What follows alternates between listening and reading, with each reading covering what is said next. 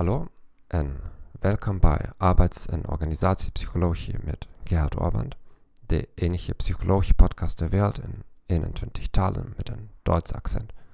Als je student of professional bent, helpt deze podcast je kennis op te frissen in wekelijkse porties van niet meer dan 5 minuten.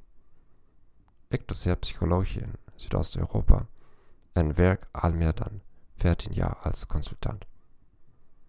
Ik ben geen expert in Nederlands. Dat heb je natuurlijk al begrepen. Heb geduld met mij, maar ik beloof je dat ik met elke nieuwe aflevering beter zal worden.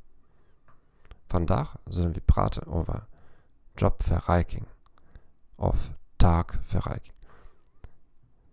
Job enrichment, een term bedacht door Frederick Herzberg. Het doel van jobverrijking is om het werk voor een medewerker zinvoller en uitdagender te maken, zodat de medewerker meer tevreden wordt. Dit is relevant, zeker als een bedrijf niet genoeg geld heeft om altijd salarissen te verhogen of om alle medewerkers naar hogere functies te promoveren.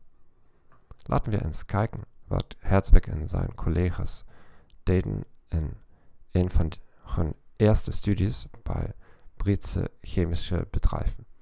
De deelnemers waren laboratoriumtechnici.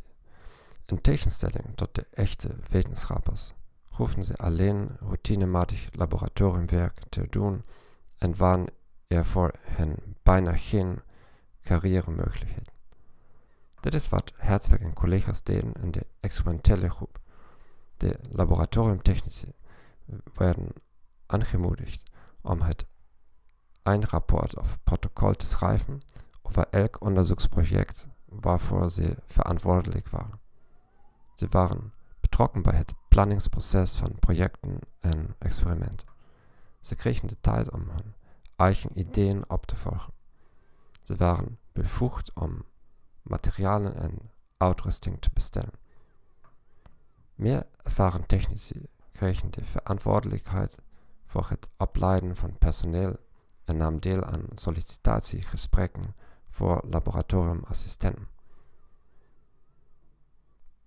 Taakverrijking verschilt van andere inspanningen om de werkplek opnieuw in te richten. Bij taakuitbreiding, job enlargement, geef je werknemers meer taken en verantwoordelijkheden van dezelfde complexiteit en hetzelfde vaardigheidsniveau die ze momenteel hebben. Bij jobrotatie wisselen medewerkers periodiek hun functies en taken binnen het bedrijf. Laten we eens nadenken over uw baan. Hoe zou u in uw huidige baan meer verantwoordelijkheden kunnen overnemen en hoe zou dat uw motivatie op het werk beïnvloeden?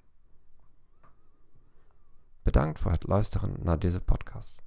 Abonneer je op mijn kanaal en stuur me vragen en opmerkingen.